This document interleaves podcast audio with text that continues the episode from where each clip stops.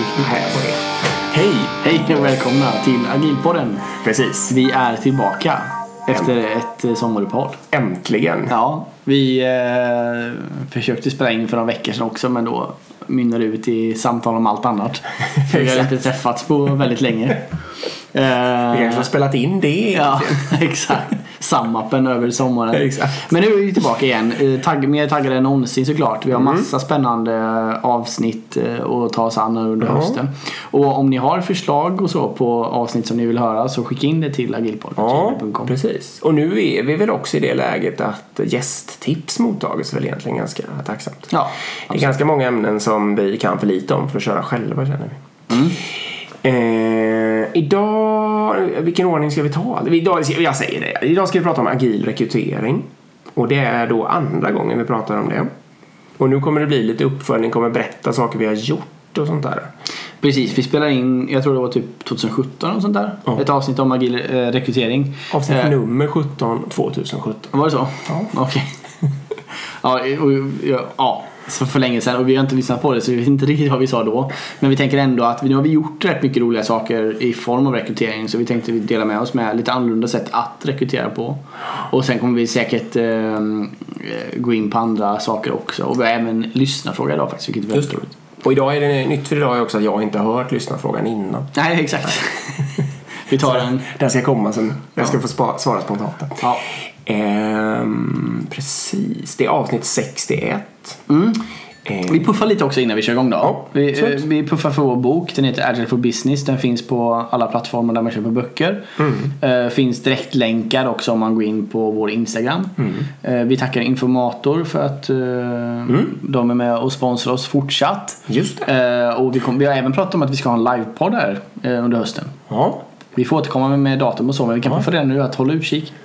Eh, och det kommer vi väl eh, skriva ut på vår Instagram som är agilpodden. En livepodd och after work-tillställning va? Ja, exakt. Mm. Det kan ju inte bli bättre. Nej. Ehm, precis. Så tack Informator då. Verkligen, stort tack. Eh, och precis, och vill ni hitta ett informator så gå jättegärna in via agilpodden.se och klicka på informatorloggen. Mm. Det är det bästa och om ni anmäler er så skriv med agilpodden också där någonstans så de vet att det kommer från oss. Exakt. Coolt, då så. Mm. Rekrytering. Mm. Var ska vi börja någonstans? Äh, vi kanske ska börja med att, ska vi börja med att avslöja vår, vår stora nya grej? Att vi håller på att skriva en ny bok. jag har nästan två sidor så det är väl dags att avslöja. Ja, det har vi inte sagt Nej. Nej. Tanken den här gången är att vi kommer skriva en bok på svenska och den kommer heta Agilt ledarskap. Ja, Eller något sånt. det är arbetsnamnet. Arbetsnamnet är Agilt ledarskap. Och eh, jag satt eh, häromkvällen och hade lite tid över och skrev på ett kapitel. eh, Och det var då jag kom på det här med rekrytering också. Att vi har faktiskt gjort lite roligare saker med rekrytering. Ja. Ehm, och det är väl egentligen där jag tänkte att vi tar avstamp va? På våra roliga metoder och sånt Ja där. exakt, lite annorlunda sätt att rekrytera på. kan vi göra. Jag vill- Får jag säga någonting om området rekrytering först bara? Ja, gör det. Det finns ett, ett, ett, vad ska man säga, varför det blir ett område överhuvudtaget är ju på något sätt för att det är lite behäftat med gammaldags eh, eh någonting. Gammaldags vadå? Eh, kultur kanske.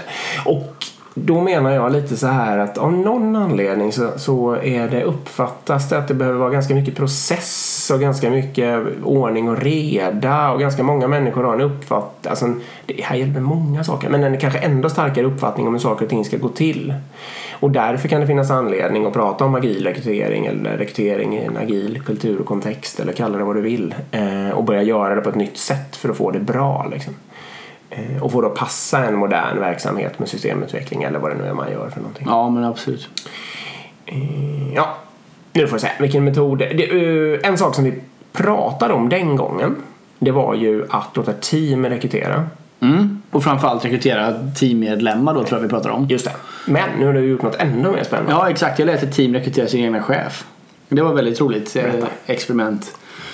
Ja, nu ska vi se hur det börjar. Jo men det började egentligen med att eh, eh, en av eh, mina chefer slutade då på, på ett föregående jobb. Eh, och eh, det var helt enkelt dags att rekrytera en ny. Och då liksom om man ska följa den sedvanliga processen så är det väl egentligen så typ i princip att chefen och någon från HR eller rekryteringsdelen av HR skriver en annons. Man tar in ansökningar, man scrollar igenom, tittar igenom CVn. eh, Man bokar liksom någon form av eh, intervju. Man kanske har några tester som rekryteringsdelen gör. Eh, Man träffar kanske, man kanske tar med sig någon annan chefskollega eller sin chef. Mm. Sin eller chef, sånt där. ja. Eh, Och sen bestämmer man helt enkelt om den här personen är lämplig för det här jobbet eller inte. Mm. Ehm, och sen så blir det ju liksom lite som en surprise för teamet då. Att, eller sen får jag ju göra en säljpitch liksom att hej nu har jag rekryterat en ny chef. Här är er nya chef. Exakt. Han heter Kalle och Ja. han har alla de här egenskaperna. Han är en vit man, 47 år gammal, spelar golf. Och halvtjock. Ehm, så han blir perfekt. Många ömma tår här. Ja, verkligen. Vi tog alla på en gång.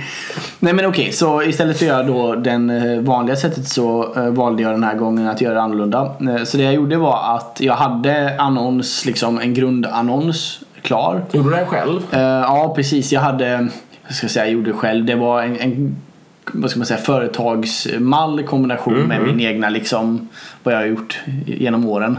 Klistrat ihop liksom. Ja, men jag skickade ut ett... För Ja, men det var till teamet fick inte skriva ihop den. Eller du, inte, så där, du, du började själv liksom. Jag, jag började själv. Dock så skickade jag den här annonsen till teamet det första jag gjorde. Ja. Och så skrev jag det till teamet att läs igenom det här. Tycker ni att det här är rätt? Liksom, Ja, det tror ni att det här kommer attrahera rätt människor? Ja. Eller, Innan du satt ut den. ja, exakt. Eller ska vi skriva om den? Eh, innan jag satte ut den. Eh, jag fick absolut noll svar på den. Det var någon som svarade typ ser okej ut. Ser bra ut. Ja.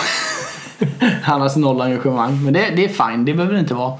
Så skickade vi ut den annonsen. Eh, Men sen var det ju spännande då att sen fick vi in en del ansökningar. Jag kommer inte ihåg hur många nu men säg en 20-30 stycken eller Ja. någonting. Och varav en del såklart kan man förkasta på en gång. Och de gjorde jag också. Ja. Eh, Alltså totalt icke kvalificerade människor. Och sen så hade vi egentligen Ja, vad ska det vara? En fem, sex personer som var bra Ja, kandidater. så pass ändå. Ja, Det är mycket. men, men det var ganska brett intag då. Ja. Det, det som jag hade sett till om vi skulle tillbaka lite till annonsen och det vi pratade om också i, i förra avsnittet är att jag hade ju inte skrivit till exempel att man var tvungen att ha chefserfarenhet. Nej. Så det var ju mycket nya personer som sökte som Ja. inte hade det och sånt där. Ehm, Det är bra. Ja, precis. Och jag vill inte eh, ha sådana krav på det. Ehm, precis. Och i alla fall. Så när vi hade de här personerna, då gjorde vi helt enkelt så. Då lät jag teamet bestämma då, hur ska, du, hur ska ni göra den här rekryteringen. Alltså hur ska ni intervjua? Ja. Eh, och då bestämde de sig för att de vill skicka två kandidater varje gång. Vem var det som tog fram nummer fem? Var det du? Ja, precis. Jag gjorde det ihop med HR. Eh, Men jag bo- bollade de CVna med teamet Ja. också. Och sa att tror ni att det här är en kandidat ni vill träffa? Liksom. Ja, det tror vi. Eh, Men de kunde ju liksom inte, jag kämpade inte så pass mycket här att jag lät dem gå in i HR-systemet och sånt. Nej, nej Jag försökte- men du hade ju kunnat skriva ut allihopa. Ja, jag vet. Lägga Nej, men det- eller något. Ja, visst, nej, det är känsligt med datat och så. Det är det ju. Och det hade kanske kunnat gå förbättrat till nästa gång. Men det gjorde jag inte. Jag, jag, jag tog på mig ett visst sållningsjobb där, helt klart. Ehm, ja, och sen då så bestämde de sig för att nej, men vi, alla, för det första ville inte alla i teamet intervjua. Och eh, det var några som ville. De bestämde sig för att de, skickade, de, de ville skicka två varje gång. På intervju. Två, eh, två från teamet. teammedlemmar. Mm. Ja. Hur många teammedlemmar fanns det totalt? Jag tror det var tre eller fyra som rekryterade. Och det teamet var kanske på sju eller åtta. Ja, så de valde hälften av sig kan man säga. Ja precis. Och det var helt enkelt för en del bara kände att nej jag vill absolut inte göra det här. Ehm, och det ska sägas också att eh, det var inte själv, jag fick ändå jobba med teamet lite för att de skulle våga ta Ja, steget att göra intervju. För det, är inte helt självklart. Så jag, jag gav dem till exempel att ja, men här är bra exempelfrågor ni kan ställa. Och, liksom sådär. och fyll gärna på den här mallen med egna frågor. Men, så jag gav dem liksom Ja. lite material så de inte var helt eh, ensamma. Ja, och sen då så eh, träffade teamet helt enkelt fem, alla fem stycken kandidater till slut. Ja. Ehm, där det var olika personer som intervjuade varje gång. Jag var med och träffade två av dem tror jag. Som rekryterande, jag var rekryterande chef för den här chefen då. Ja. Ehm, jag var med och träffade två eller tre, jag kommer inte ihåg nu. Ehm, inte alla men en del kandidater. Ja. Ehm, både på en andra intervju, för teamet gjorde ibland intervju och sen så gjorde jag intervju Ja, efter. Eller så var jag faktiskt med på någon av intervjuerna som teamet gjorde också. Och då var jag mer passiv liksom. Ja. Ehm, Ja, det var faktiskt spännande. Och sen det som var väldigt kul sen, för sen körde vi en upp... Just det, det ska jag säga också innan jag glömmer det. Att det som var kul sen, för jag frågade sen hur, hur säkerställer ni nu att de här kandidaterna som ni väljer eh, kommer accepteras av teamet? Ja. Liksom, pratar ni om? Ja, nej. eller hur gör ni liksom? Nej, men då hade de ju gjort att eh, med varje kandidat hade de tagit med och presenterat för teamet. Ja. Bara av liksom automatik. Ja. Så de har gjort det på slutet av intervjun. Kom så går vi och träffar resten. Ja. Så hade man lite formellt gått förbi. Bara här är vår tavla, liksom, här sitter vi. Ja. Det här är de andra, hej hej liksom. Eh, det hade de gjort helt utan att jag hade sagt det. Det var ju skitvackert. Ja. Ehm, ja, sen var vi inte alla där och sådär men det var ändå liksom jävligt snyggt att de hade fått in det i processen. Och sen gjorde vi eh, uppsummeringen då. Och då gjorde vi helt enkelt så att vi skrev upp alla fem kandidater på en whiteboardtavla. Eh, jag har faktiskt kvar den bilden. Jag la in den bilden i boken. Jag tänker Ja. vi får ha med den där. Men jag ska anonymisera namn och så. Ja, förstås. det är det inte nu. Eh, så det får vi komma ihåg. Eh, och sen så helt enkelt en pluskolumn och en minuskolumn. Och sen i pluskolumnen så skrev, eh, skrev teamet okej vilka starka sidor ansåg vi att den här kandidaten hade. Eh, respektive vilka liksom, förbättringspotentialer hade den här kandidaten eller vad saknar den här kandidaten. Eh, det var tre tjejer och två killar i slutändan. Och jag kan säga det att jag försökte ju spela in mer sådana principer liksom. Att jag vill att liksom, ni går inte vidare från att ni har en från varje kön. Liksom. Ni ska ha olika bakgrund och sådär. Så jag försökte, men det, det, jag behövde egentligen inte spela hårt på de principerna för nu blev det så automatiskt. Eh, Så vi hade dem och så skrev vi helt enkelt upp namn plus minus och eh, så vi började så på alla fem kandidaterna och sen så lät jag dem poängsätta mellan 1 till 10 ja. på varje kandidat, en omröstning. En, ett totalbetyg eller en massa kategorier? Nej, Nej, total- ett totalbetyg. Vad var känslan liksom? Eh, och så fick de ett, varje kandidat fick ett average i betyg. Ja. Eh, och sen nästa var att prioritera dem. Vem Ja. ska jag kontakta först med jobberbjudandet? Ja. Och vem kontaktar jag därefter? Ja. Vem kontaktar jag efter det? Var det den med högst betyg som blev högst? Ja, det var split, eh, nu ska vi se, två kandidater fick nio i betyg. Ja, okej. Så de hade, och nästa hade kanske åtta, åtta och en halv eller något. Så det var, de var väldigt nära. Stämmer, det var en... Ja, ja, ja, alla fick sätta sitt eget. Det var det du menar med average, ja. Ja, Ja, alla satte sitt egna betyg. Vi gjorde det som en uh, story points omröstning. Så alla utan påverka varandra. Alla gjorde det fingrar, fingrar, upp. Exakt. Och sen så uttog jag ett average av det. Ja. Eh, Och två stycken fick nio och en av dem lyckades de få fram att man borde fråga först. Ja, exakt. Mm. Och där var de inte överens heller. Eh, utan eh, det var, nu ska vi se om jag minns rätt då. Eh, Du får tänka nu på att den valda personen kan lyssna. jag vet. Men det, det, är, för det, är- det är väl transparent i så fall. ja, Ehm, nog det. Ja, precis. Det kanske var jag, vem vet. Ehm, nej, men nu ska vi se. Det var faktiskt, det var, ehm, för det var prioritet. Då fick alla sätta ut en etta, tvåa, tre, fyra, femma helt enkelt på varje kandidat. Eh, och då eh, den som eh, blev top, vår toppkandidat fick eh, tre ettor och en tvåa. Och den andra fick, då, ja, då förstår man ju hur det gick vidare sen. Inversa det kanske. Ja, exakt. exakt. Ehm, så, ja precis. Och då blev det, ja men bra. Den här kandidaten är liksom den som vi ska erbjuda först. Och det här är kandidaten vi ska erbjuda nummer två. Och sen vidare ner då. Och hon tackade ja den. Nu blev det första kandidaten, exakt. Det blev det. I det här fallet blev det så. Eh, det är ju inte alls säkert att det, behöver bli så, men Nej. så blev det. Eh, och det var väldigt snyggt för sen eh, Jag kunde ju skicka vidare sen bara då till mina chefer gällande den här rekryteringen. Att, Mm. Ja, den här rekryteringen har teamet gjort. Och så tog jag bara en bild på den här whiteboardtavlan. Ja. Och så skrev jag och så skrev jag bara ut den och skrev med vänlig hälsning Erik. så de fick liksom all summerad data som teamet hade sammanställt rakt in bara som beslutsunderlag istället för att jag skulle sitta där och proffstycka om vem jag tyckte var bäst. Ja. Ehm, ja men precis, bra. Så det, det var väl ett kul exempel på hur man kan göra det. Och jag, det, var, ja, det, var, det var väldigt uppskattat. Eh, det var väldigt uppskattat av teamet. De, de, de var helt lyriska det här när de hade intervjuat folk. Liksom. De bara åh den här var så bra och den var så bra och det var så Ja. kul det här. Och du vet. Så det kändes verkligen som att eh, de kommer fortsätta med det här även när de ska rekrytera teammedlemmar som Ja. utvecklare och så. Vad- Jag har några frågor. Mm. Vart det några gnäll i organisationen? Alltså från eh, högre chefer eller HR? Nej, jag hörde ingenting faktiskt. Från någon. Jag? Men sen vet jag inte hur, mycket, hur väl medvetna de är om min metod. Nej, nej. Men det, den nådde i alla fall inte... Nej. nej, det blev inte Nej, inget nej. sånt. Inget så. Ehm, och det andra jag funderar på var det här... eh, det är inte unikt för just... ehm, det, uppstår, det här problemet uppstår ju om man låter olika människor träffa kandidaterna. Att det är svårt att jämföra sen. Mm. Hur, han- hade ni något smart sätt att hantera det? Liksom? Nej, ren slump prata. då. Ja. Ja, okej. Vi, vi försökte ju ha någorlunda samma frågor. I, i och med att jag, hade, jag skickade ut en, en grundpalett med frågor som de använde. Eh, Så det är väl ett sätt då kanske. Absolut. För jag vet, vi ska prata talangprogram sen också tror jag. Och eh, där har jag varit med en massa uttagningar. Då brukar det vara en blandning av chefer och medarbetare som intervjuar. Och då kan man ibland få det problemet att eh, två personer har träffat en kandidat som är skitbra och två helt andra personer har träffat en annan kandidat som de uppfattar som skitbra. Och så eh, har man inte plats för båda. Och då är det det här, jaha, och liksom ska man prata för sin egen vara? Och då hade Ja. det gjort så himla mycket hjälp om eh, åtminstone en av individerna, de intervjuande, hade träffat båda eh, kandidaterna. Liksom. Ja, nej, men visst. Ehm, nej men det, det, var, det var inget problem den här gången. Det kanske hade blivit det om vi hade fortsatt. Ja, kan det råka bli det liksom. Det är lite tur och otur också. Men vi ska ju också säga det, för jag menar, det pratade vi om också, men förra avsnittet för några år sedan är ju också det här. Tänk nu när dessutom när den här chefen börjar. Nu slutade jag innan den här chefen började så jag, jag har inte sett hur det här gick till. Men ni kan ju tänka er då när den här personen kommer. För det första har personen redan sett arbetsplatsen, hälsar på alla medlemmar och är dessutom rekryterad av teamet. Så det liksom, om man gör det här så kan man ju bara ta hela sin onboardingprocess och kasta i sjön. Man behöver ingen onboardingprocess. Acceptansen är ju eh, fullständig. Ja. Precis. Och det gör ju att teamet kan ju på en gång, de kan ju bara planera in att ja bra nu börjar vår nya chef här om en vecka. Vad behöver hon för att lyckas liksom? Eh, om Okej, bra vi kanske ska kasta in några grejer i vår planering här som gör att vi sätter upp ett bra möte för henne. Vi kanske ska sätta upp one-on-one med, med att hon får träffa oss i veckan eller du vet.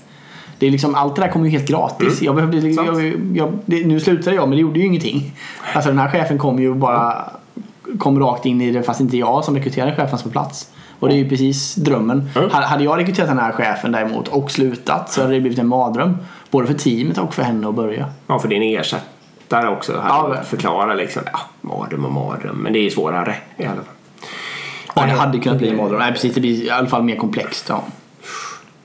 Nej precis, för annars blir det ju det här och då kommer chefschef där och så, alltså i det här fallet du då ska jag försöka sälja in det här och förklara varför det här är så himla smart och så vidare. Och så vidare.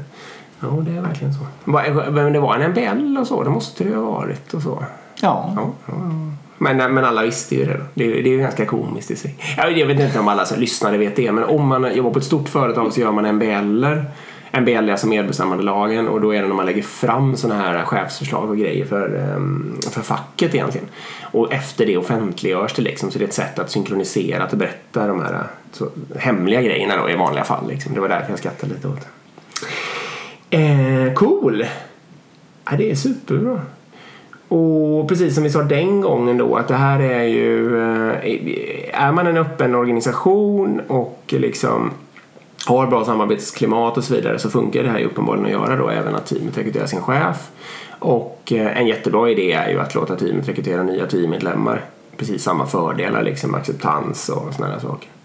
Ja visst och det, det är ju lättare också. Rekrytera sin egen chef finns det ju ändå någon viss komplexitet i. Ja, lite. Och eh, om man nu tycker att det finns, tycker sig vara någon chef som tycker sig vara lite duktig på diversity eller liknande eller sådana olika aspekter om personligheter och sånt där. Då kan man göra precis som Erik och försöka coacha eh, det här rekryterande teamet i att beakta de grejerna snarare än att gå in och proffstycka i detaljfrågan. Ja visst. Nej men absolut. Det är väl egentligen tipset. Ehm, ja, Precis, om vi, eh, vi kan lämna det där och just Ja, det fallet. Men och så går vi över till, att, eh, till den vanliga typen av rekrytering istället och just det här med rekryteringsbiten som ofta sitter hos HR då. Eh, alltså rekryteringsstaben helt enkelt. Mm, ja, vad tycker du om det då? Ja. Det måste ju, rekrytera är ju ganska svårt och man kanske inte gör det så ofta. Så det måste ju vara smart att göra en stab som hjälper till med det, eller? Ja, eh, det är ju liksom, ja. Var börjar vi? Alltså när är det bra att ha en stab? Alltså stab menar vi då ett, en centraliserad grupp där man samlar all kompetens, med, eller all, alla människor med samma kompetens och sätter under samma chef. Och så kopplar man på det någonstans i organisationen för att flera ska använda det, liksom share component ungefär. Ja, exakt. När är det bra? Jag måste ju försöka, försöka komma på från min karriär så här. Min, eh, min controller är ju, eh, sitter ju på en stab. Det funkar ju bra. Eh, vissa såna här saker, såna här cloud-lösningar och sånt är ju framtagna av stab eller av en supportfunktion liksom. En stödfunktion. Det, de är ju bra. Det hade ju varit jobbigt på riktigt om det var totalt decentraliserat och alla skulle sitta och utveckla sin egen authentication och sånt där liksom. Eh, på gränsen till att det inte skulle gå. Så visst finns det ju exempel på när det på riktigt blir Ja. fiffigt. Det är klart det gör. Men, Men, ja, ja, kör. Rekrytering är ju ett, ett, en slamkrypare eller ett, ett gränsfall här på något sätt. Ja, jag har jobbat eh, liksom, jag, jag har aldrig fått det att fungera bra egentligen så länge det är centraliserat. Rekrytering ligger så nära också. Det ligger så nära verksamheten och vad man gör och man måste liksom kunna förklara och förstå vad teamet både gör och vad de behöver och liksom sådär. Och det blir väldigt svårt för en person som inte sitter i den delen av organisationen att göra det. Och då ska man lösa det via att chef ska då försöka fylla i någon template eller försöka skriva något dokument eller förklara för den här rekryteringspersonen vilken typ av person man söker. Så jag vet, det blir ju liksom, redan där går man ju bort sig rätt snabbt liksom. Eh, Och att de då ska kunna ha kompetens att liksom hitta fram rätt pers- person och sådär. Jag vet inte, jag... Ja. Teoretiskt också så finns ju fördelen att de kan pussla då. De kan se en helhet och sätta kandidater där de passar bäst och sånt där. Men det brukar ju inte, jag, jag har inte heller sett, det finns säkert exempel förstås på när det funkar och sådär. Men det är inte så att det blir någon jätteskjuts liksom av det hela. Eh, Nej men sen är det också en jävla, för det man måste förstå som, som liksom, det funkar ju inte. Alltså det är ju det är ju som med alla de här grejerna, det är ju teoretiskt smart liksom. Men om man tar det i praktiken så, så eh, har jag ju hört om fall liksom där, ja hej jag söker till det här företaget som Java-utvecklare liksom.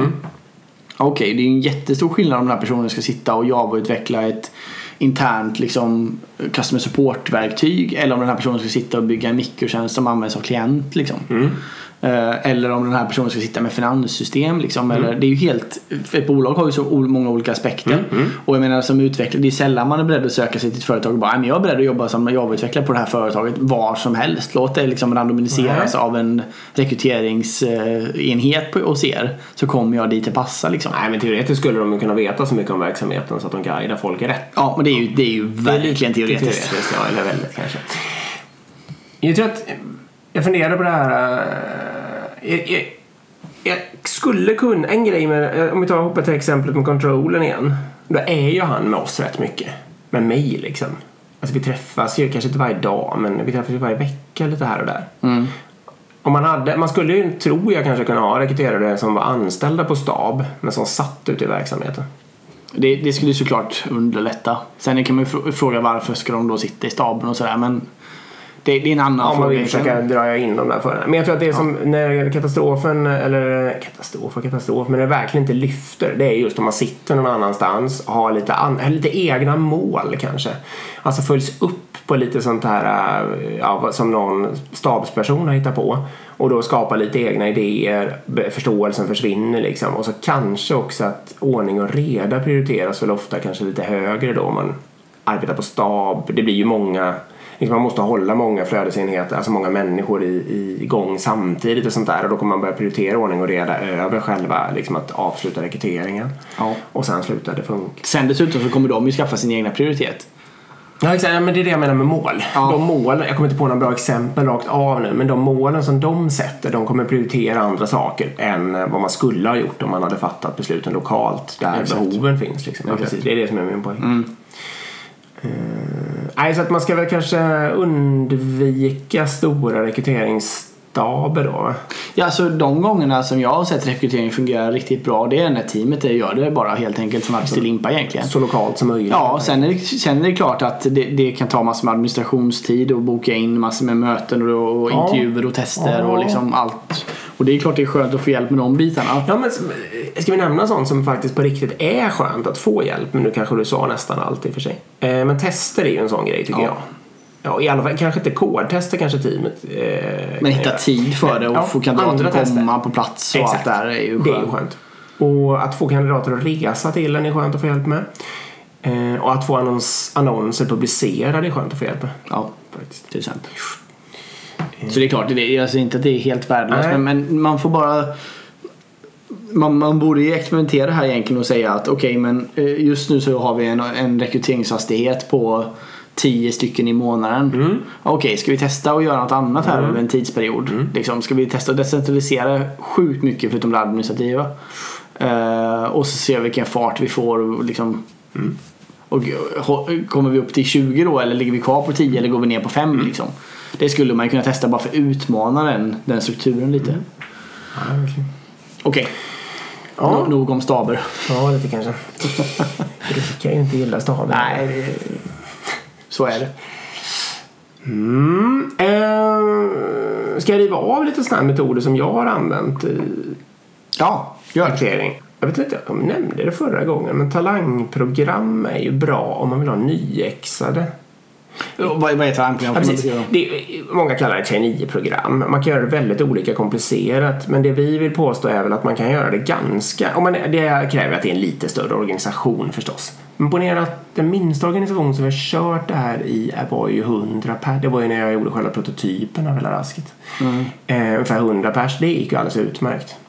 Eh, och det är helt enkelt att man hittar på, alltså man anställer människor till helt vanliga jobb, nyexade.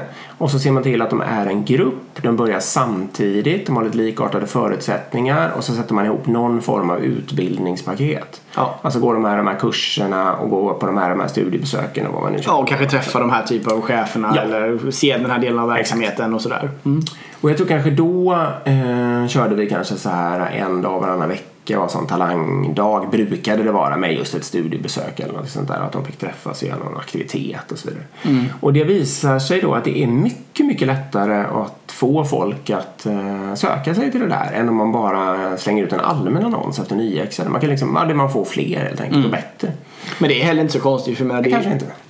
Jag har ju själv gått ett traineeprogram. Ja, men det var lite mer påkostat. Ja, det, just, men, men det spelar egentligen ingen roll för det är samma kanske fördelar. Ja. För, eh, fördelar. Nätverkande och sånt. Exakt, och jag menar just det här att när man kommer från, i alla fall när jag kom från studie liksom från universitetsvärlden då är man van vid att jobba i team hela tiden. Man är, man är kompisar som har gjort grejer ihop och sådär. Det är ganska ensamt sen att söka ett jobb på ett företag man inte vet så mycket om och sen Ja. gå dit. Här har man ju kvar lite. Det blir liksom som att uh, fejda över från universitetsvärlden in i arbetslivet. Man är fortfarande en, en, eh, en grupp.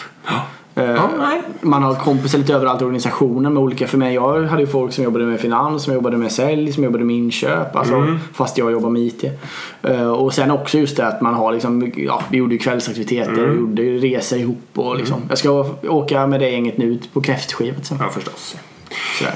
Nej, men så det kan ju verkligen vara en metod. Och det blir lite, även om man har ganska små volymer som till exempel 10 pers då, så blir det lite stordrift över det hela. Man kan rekrytera, man kan ha rekryteringsdagar liksom och jobba med intervjuslottar och liksom, man kan få fart på det och få in rätt mycket folk ganska enkelt. Ja, ja, det är fantastiskt bra. En annan grej, eh, det här, nu tänker jag mig att vi sitter här i vår svenska kontext då, eh, i det här landet eh, och med alla fördelar som det har och så vidare. Då är det ju att man kan leta utanför Sverige. Det är ju svårt liksom att rekrytera IT-personal i Sverige. Eh, Och då, om man hittar, det här, jag vet inte fåglarna om jag, om jag någonsin skulle göra det här själv. Men jag har gjort det med en lokal eh, partner då. Eh, som har letat upp i Indien till exempel. Att man letar efter, eh, lite samma sak faktiskt. Man letar efter ganska många människor på ett bräde. Eh, och kan helt plötsligt då, det här kan man ju tycka vad man vill om rent moraliskt. Men då kan man välja och vraka på ett helt annat sätt på, på ganska duktiga sökande. Ehm, Men då ska vi säga sådär, då, då är ju ambitionen att de ska anställas i Sverige Ja, och precis. jobba i Sverige Ja, och flytta hit. precis. Så det, det kräva då liksom ett lite större insats i form av att man ska hjälpa dem Ja. med flyttkostnader Ja. och så vidare. Helt sant. Återigen, lite större organisation troligtvis då. Och i fjol så rekryterade vi då, slutade, ambitionen var ju 20 liksom. Vi ska prata lite om mål sen också. Men jag tror kanske att det blev sex stycken anställda som på riktigt kom hit och, och började liksom. Men det var ju med tanke på hur svårt det är att hitta systemutvecklare i det företaget där jag jobbar så var ju det liksom helt fantastiskt att få tag i dem där. Ja. Eh, ska jag nämna exjobb kan man ju också använda som rekryteringsstrategi. Det blir ju lite ganska mycket, mm, alltså det kräver en viss insats att köra ett exjobb. ja, inte bara en viss, det kräver skitmycket Ja, insats. ganska mycket. Och, eh, och det blir ju sällan volymer på det där viset för det är mer av en styckeprodukt. Liksom. Att man, man hittar på ett exjobb och hittar en handledare, man kanske kan ha det för två individer. Men vill man dubbla det hela så måste man hitta på en lika bra idé till och hitta en lika bra handledare till. Exakt. Liksom, och och man tänker att det är volym men det blir inte volym. Nej, För sen, vill du, sen så kanske du vill anställa en av de där fyra men den personen tar ett annat jobb. Nej, precis. Då har du liksom lagt ner tur och otur och så. hur många månaders jobb som helst utan att det ger någon direkt utdelning. Så att, men det, jag har ju människor i min organisation eller kring mig som har kommit in via exjobb som är fantastiska så jag vet att det funkar liksom. Eh, Absolut, jag kom Men- själv in på ett företag via exjobb också. ser. Visst. Fjärde metoden som jag testade vet jag, det har vi ju pratat om. Jag vet inte om jag har berättat hur det slutade. Det var digitala nomader. Ja. Har vi, har jag liksom, Vi har säkert touchat det, men kör igen. det. Jag körde snabbt. Det var helt enkelt min idé att eh, eller det, alltså det, är det är inte bara min idé, men testa så här att eh, ja, fast anställda eh, personer eh, som liksom alla som behandlas som vilka anställda som helst men som får befinna sig var som helst i världen när de arbetar. Eh, det var originalidén då. Och då var tanken att det där skulle vara så pass attraktivt för många smarta hjärnor så att man skulle kunna rekrytera ganska enkelt. Och jag har försökt köra ett experiment på det här då. Det gick både bra och dåligt. Det var lätt att hitta de här två originalmedlemmarna men de var ju internt på företaget. Det var ganska svårt att få klarhet i eh, vad som rent legalt gällde när man jobbade i andra länder då. Så därför kunde man liksom inte trappa upp det rakt av. Sen provade vi att annonsera och fick ganska många bra sökande men på grund av alla de här oklarheterna så kom vi aldrig så långt som till att anställa folk. Eh, Men indikationen är ju att om man kan erbjuda sånt, ja, vad ska man kalla det för, men ett modernare synsätt på arbetsplats och liksom var man befinner sig, vad man gör, så är det mycket, mycket lättare att hitta folk. Eh, Mm. Sen, det, Jag skulle vilja göra det igen liksom, Ja. men lite mer ordentligt. Eh, man behöver se ta reda på det där för man, man måste sitta rent lagligt ett visst antal dagar i Sverige och sådär. Ja, det är tyvärr ospesat. Det är inte ett Ja. visst antal dagar, Ah, men det är såna här huvudsakliga upp, eh, häls, uppehållsorter. Alltså det är mycket, sånt där var det ju då tyvärr. Eh, med, i, skulle jag skriva en sån annons skulle jag ju också kasta med eh, tio tågbiljetter och tre flygbiljetter liksom, i anställningen. Ja, så kan man ju göra. Mm. Jag för mig att jag... Nej, jag tror aldrig jag snöade inte in på det. Men jag, vi gav dem ju... De två som körde ett tag, de fick ju lite hjälp med sådana saker i, Mm. eh, som de behövde. Liksom. Eh, ja, nej men det var det. Om man vill titta på sådana alternativa metoder att liksom hitta människor så är det ju eh, olika sätt. Det är talangprogram, exjobb, leta i andra länder och eh, digitala nomader. Ja, ja men visst. Det är bra. Mm. Berätta lite om mål också då, eh, avslutningsvis på rekryteringsbiten. Du satte upp en mål för din Det är organisation. också en sån erfarenhet som jag har att eh, man fastnar, i alla fall i stora organisationer, så fastnar man så himla lätt i det här tank, alltså stycketankesättet. Så här. Man, någonstans så vet människor att det finns ett stort rekryteringsbehov på totalen. Det är man överens om. Man skulle vilja vara fler. Liksom. Eh, kanske för att växla ut konsulter eller för att få mer gjort eller både och. Men sen när man liksom ska bryta ner det där och få det att hända då slutar det nästan alltid med att man är nere på gruppnivå så börjar man då tänka liksom att om man har jag någon vakans just här just nu eh, och då kanske man har exakt en vakans och då kanske man försöker få in exakt en per person liksom. Eh, oj, oj, oj, vad ska man säga, hela organisationen blir lite försiktig eller vad man ska säga. Och, eh, så då försöker just den gruppchefen att bara få in den individen.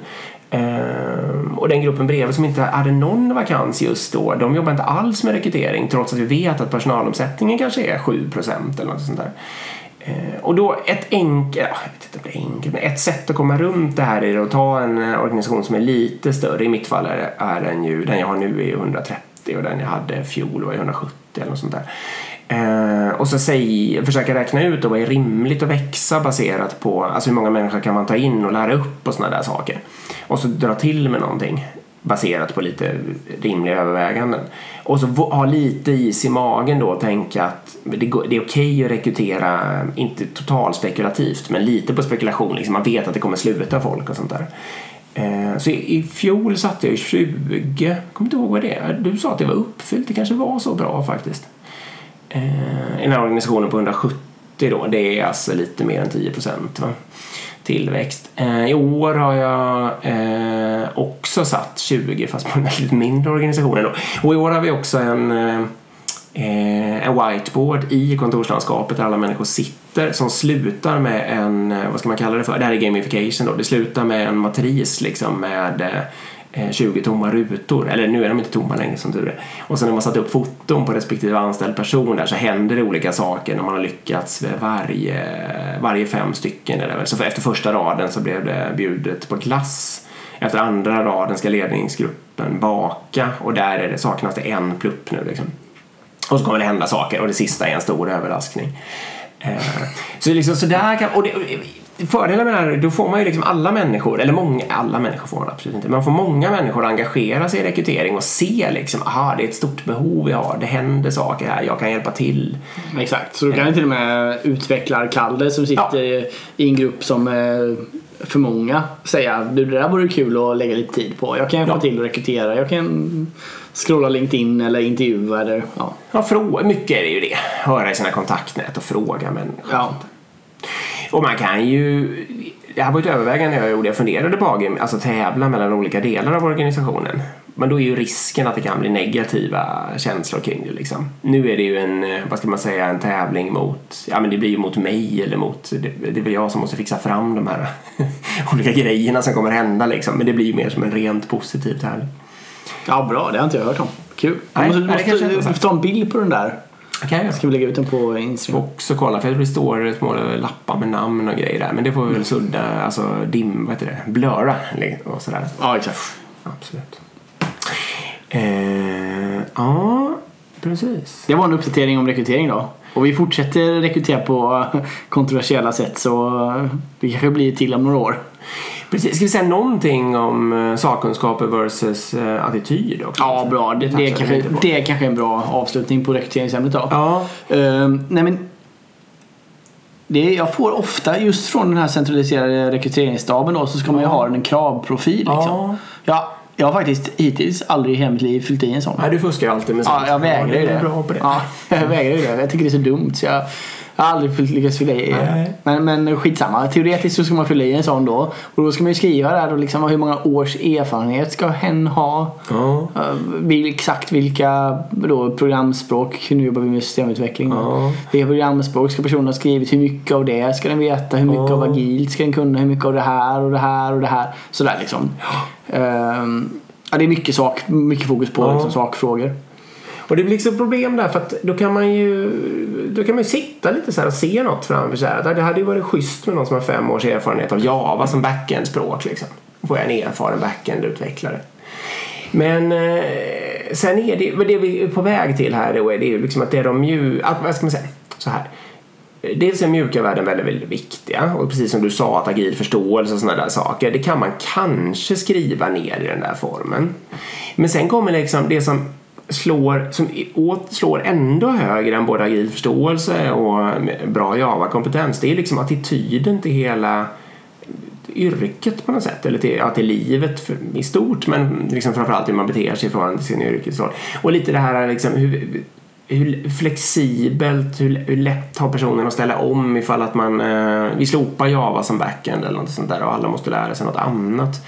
Eh, är den beredd på att göra det? Är den beredd på att hugga i där det behövs? Är den beredd på att göra arbetsuppgifter som är mycket enklare än, eh, än de svåraste som den kan? Om, tusen sådana saker. Ja, men jag Och- tittar in, inte just att man slopar med men kolla vad som händer på fronten. Helt plötsligt så är det Angular och sen så ska det bort och så ska alla över till React. Ja, och, jag menar, då spelar det ingen roll hur många års eh. Angular-erfarenhet du har teoretiskt. Bra. Om du, om du inte går över till React. Nej, precis. och inte vill gå över till React Nej. eller liksom biter det kvar och sådana där saker. Och det där trumfar ju nästan alltid sakkunskaper. För att attityden går liksom inte att byta ut heller. Eh, men sakkunskaperna går nästan alltid att lära sig om man har folk, hittar folk som är tillräckligt smarta. Och det är ju på något sätt en av mina största lärdomar i rekrytering att man kan, man kan inte jobba med det där att den, den mest erfarna ska få jobbet och erfarenhet är viktigt och där det där det liksom. Eh, nu sitter inte jag här och säger att man inte får värdera erfarenhet och det är jättefiffigt med människor som är duktiga på backend-utveckling för att de har många års erfarenhet. verkligen. Liksom. Men attityden är viktigare. Ja, det måste hela tiden ligga över. Exakt. Jag håller med. Eh, och det kan vi ju säga också. Jag menar just det här eh, talangprogrammet som genomfördes. Ja. Några av de personerna är ju de absolut bästa på hela företaget Ja, i princip. det. Och de har liksom jobbat vadå, nu kanske fyra år, fem år. De första började 2015 så de är ju precis fyra år nu då här den första september. Ja, Det precis. är några som går upp. Och jag vågar påstå att många av dem slår de absolut med mest seniora utvecklare som har 20 års erfarenhet på fingrarna. Ja, nej precis. Och det är det för att vi hittar folk med rätt attityd. Ja, Ja, bra exempel. Eh, nej, men vi kan stänga rekrytering. vi stänger igenom det. Ja, ja, vi... det var kul. Så jag är nyfiken på vad är- vad det är för någon apklurig lyssnarfråga Ja, som jag inte har förberett mig på. Skönt att vara tillbaka och podda igen känner jag. Det var länge sedan nu. Det var riktigt bra. Jo, till eh, lyssnarfrågan då. Ehm, det är eh, någon, jag behöver inte säga namn, som skrivit in. Som tackar först och främst för en bra podd. Ehm, och frågan lyder så här då. En sak som jag skulle vilja höra är vad ni har för lösning på att en stor organisation som ska jobba i små team och genomgående agilt men inte använda Safe eller någon annan skalning.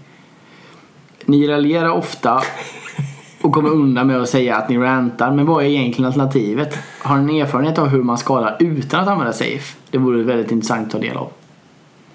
Ja, det var en rolig fråga. Ja, en ganska kul fråga faktiskt. Jag fick ju den frågan av en annan hög chef på företaget där jag jobbar. Ehm, Jag har ju svarat henne i mailform då, jag kunde inte hålla mig. Nej. Men eh, så jag, du, får, du får svara Ska jag spontana någonting då liksom? Jag skulle säga att svaret är ju något med att många människor behöver träffa många människor liksom eh, och prata med varandra. Och det, eh, som vanligt då det spiller ju ganska snabbt över på att det beror på. Men om man, eh, det gäller att identifiera de största beroendena som, som organisationen har. Och så gäller det att fundera på om man kan bygga bort några av dem då, alltså genom att ändra, flytta arbetsuppgifter från ett team till ett annat eller bredda team och sånt där. Så man får högre grad av autonomi helt enkelt. Typ den här Avanza-resan som jag pratat om förut, liksom från, vad var det, fem team till 1,2 eller något sånt där för en större feature. Eh, men när man har gjort det då, Avanza är väl förresten ett exempel på det här, när man är nere på sina 1,2 team för en större feature, ja då måste ju den här 0,2 grejen som, där man behöver synka med någon det är ju helt enkelt genom att eh, alla, eller många i organisationen har en helhetsbild över vad som händer överallt och vad liksom de långsiktiga målen är och allting. Och så väljer de helt enkelt att gå och prata med dem som, eh, där synken behövs. Och så ska, behöver det då vara tillräckligt få eh, liksom sådana synkpunkter eller vad man nu kallar kommunikationspunkter för att det eh, ska rassla på liksom, eh, och bli smidigt och flödet ska bli bra. Liksom. Det är något sånt tror jag mitt svar är. Eh, och Avanza är ett väldigt estetiskt exempel på det här men jag tycker nog att min egen organisation inte, alltså absolut, vi är inte superperfekta på det här på något vis. Men det är ändå, vi sitter på ett våningsplan, ungefär 100 pers, ett våningsplan liksom i en byggnad och det är lätt för människor att springa och prata med varandra. Eh, ja, vad svarade du? Varför skalar du? Ja, Okej, det beror inte på vad man Nej, menar med men- skala. Men, men ofta är det ju flera, vad ska man säga, det är men, ja, antingen är det att olika produkter hänger ihop, det är något större, något större jox, eller också är det ju att det är, man vill bygga med mer team på. Ja, men det är ändå en bra grundfråga. Varför, Ja, varför du? Det är en bra... Och, och sen eh, min andra del är, du var inne på det egentligen också.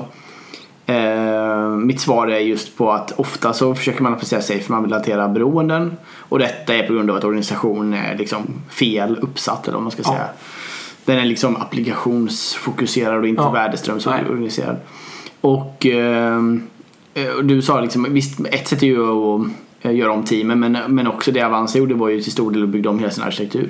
Alltså de Ja. bröt systemens funktionalitet och liksom byggde ut det i bättre tjänster egentligen. Ehm, Men det gjorde de ju inte över en natt. Nej, nej, nej. Däremot ändrade de om teamen över en natt. Yes, men de hände ju om teamen och sen så sa de att vi får ta smällen med arkitekturen första åren liksom. Ehm, och det är, precis, det är precis så jag egentligen skulle göra. Att har man en befintlig organisation och vill skala upp då, då eh, behöver man göra det. Man behöver bryta arkitekturen så man får så få beroenden som möjligt. Och sen hur man hanterar de beroendena. Ofta, helst ska de ju vara så få så att det räcker precis som du säger. Att teamen kan springa runt till varandra och bara koordinera det. Man kan ju visualisera, det beror på hur stor organisation det är också.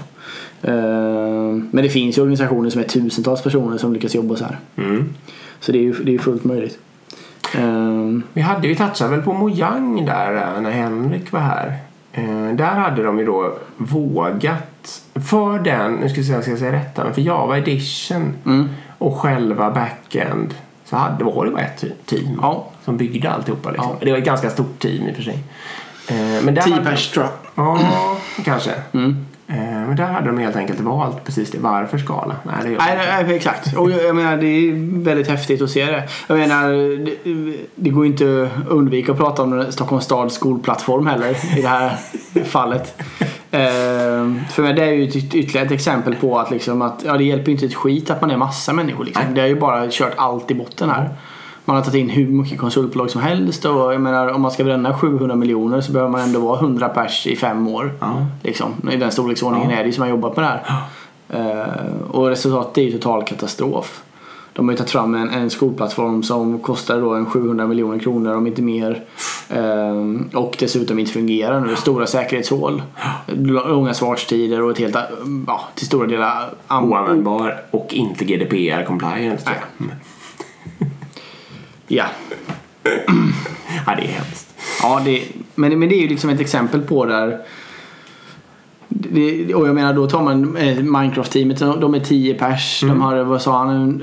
90 miljoner, Ja, eller jag var det tror- 200 miljoner användare. Eller vad ni... Det var 90 miljoner användare men jag tror Java Edition hade ungefär hälften av det. Okej. Så 45 miljoner månatliga, månadliga användare. Då. Eh, det är lite liksom vad kan Stockholms plattform ha? Eh, Skolplattform? eh, Kanske hantera fe- 50 000 eller någonting. Nej, mer kanske. Skitsamma. Ja, men då, det är ju bara, alltså det bor ju bara en och en halv miljon människor här eller något sånt där. Eller bara en, ja vad det nu kan vara. Och alla de är ju inte barn liksom. Det är inte så många som går i skolan. Nej. Nej men visst. Nej men Så det kan vara 50 eller 100 eller sånt där. ja. Ehm, Typs. Mm jag tror det är många som känner det att ja, ge mig 50 miljoner så hade vi kunnat bygga samma funktionalitet fast det hade blivit bra. Men när du mejlar någon länk på det där var det ju mitt reflexmässiga svar till Ja. dig. Var ju, Vi hade gjort det för Ska vi erbjuda några tiotals miljoner och göra mycket bättre än det här? Det är, li, är, det är lite... Det ska läggas en, en eh, brasklapp över att vi, jag har ingen aning om vad den här plattformen gör eller hur den ser ut eller vilken funktionalitet som finns och sådär heller. Så Ja, men det är ju, Jag hade aldrig använt den. Jag har ju kört eh, i den gamla. Det var, det var ju bara... Eh, herregud vad det var dåligt allting. Det var jätte, jättesegt och svårt. Svårt att hitta saker och liksom... Ja. Eh, Och egentligen ingen alls funktionalitet jämfört med alltså alla sådana här moderna verktyg som man bara har tillgängliga. Alltså Facebook och sånt där då, eller Google-verktygen och sånt. De ersätter ju alltihopa liksom. Eh, Den enda som eventuellt är ju att man kan stänga in det och ha lite behörighetskontroll och sånt där på ett snyggt sätt. Liksom. Det var väl det de eventuellt men Jag måste vänta på det lite för det, det, det är lite den här digitaliseringsvågen som går är ju långt ifrån enbart positiv. För det, man, det många gör är ju att liksom, de digitaliserar bara allt för sakens skull. Inte för att inte för att göra det bättre. Nej, har ingen förståelse för värdet. Nej precis, och jag menar, ta till exempel förskola. Med min förra förskola. Det är helt värdelöst informationsflöde. Jag var tvungen att gå in på eh, en app som de då hade köpt eller utvecklat. Där det då fanns massor med olika flikar och hit och dit och där man skulle hitta olika saker och där skulle de då skriva när saker, alltså om det var då stängt någon dag och hit och dit och det glömde de ju det ibland och du vet och så var det en pdf i något man var tvungen du vet man fick ett mail och man var tvungen att logga in och sen ladda hem en pdf och sen läsa, alltså du vet så här liksom en, en WhatsApp-grupp typ till exempel hade ju varit hundra gånger bättre. Där man hade haft liksom både bara skicka ut all information och man hade kunnat ha kommunikation mellan föräldrar. Det hade liksom löst, eller till och med bara ha en whiteboard när man kom in. Med post-it-lappar. De här dagarna har vi stängt. Det här händer den här veckan. Liksom. Det hade liksom uppfyllt mitt behov tio gånger bättre. Men nej, då ska man ju liksom ha en digital... Och det var ju till och med en kurs då jag gick. Jag gick på kurs då i den här appen. Verktyget, ja. Ja, så jag var ju där två timmar någon kväll då och skulle gå liksom en kurs och utbilda sig i hur använder jag det här och vilken oh, fantastisk funktionalitet finns. Och det var ju till och med sån här funktionalitet att jag, till, vi dokumenterar bara ditt barn till exempel. Då. Så jag hade en flik som var mitt barn och där var bara bilder på mitt barn och vad han hade gjort och utvecklats och gjort. Och det skulle uppdateras då. Jag tror på den ett och ett halvt året han gick på den förskolan, min son då i det här fallet, så tror jag det var ett inlägg i den Ja. filen. Liksom. Det, ja, Nej, det, det- är teoretiskt bra. det är teoretiskt bra. Men jävla skit. Ja. Ren dynga. Praktik. Ja, det är hemskt. Ja, okej.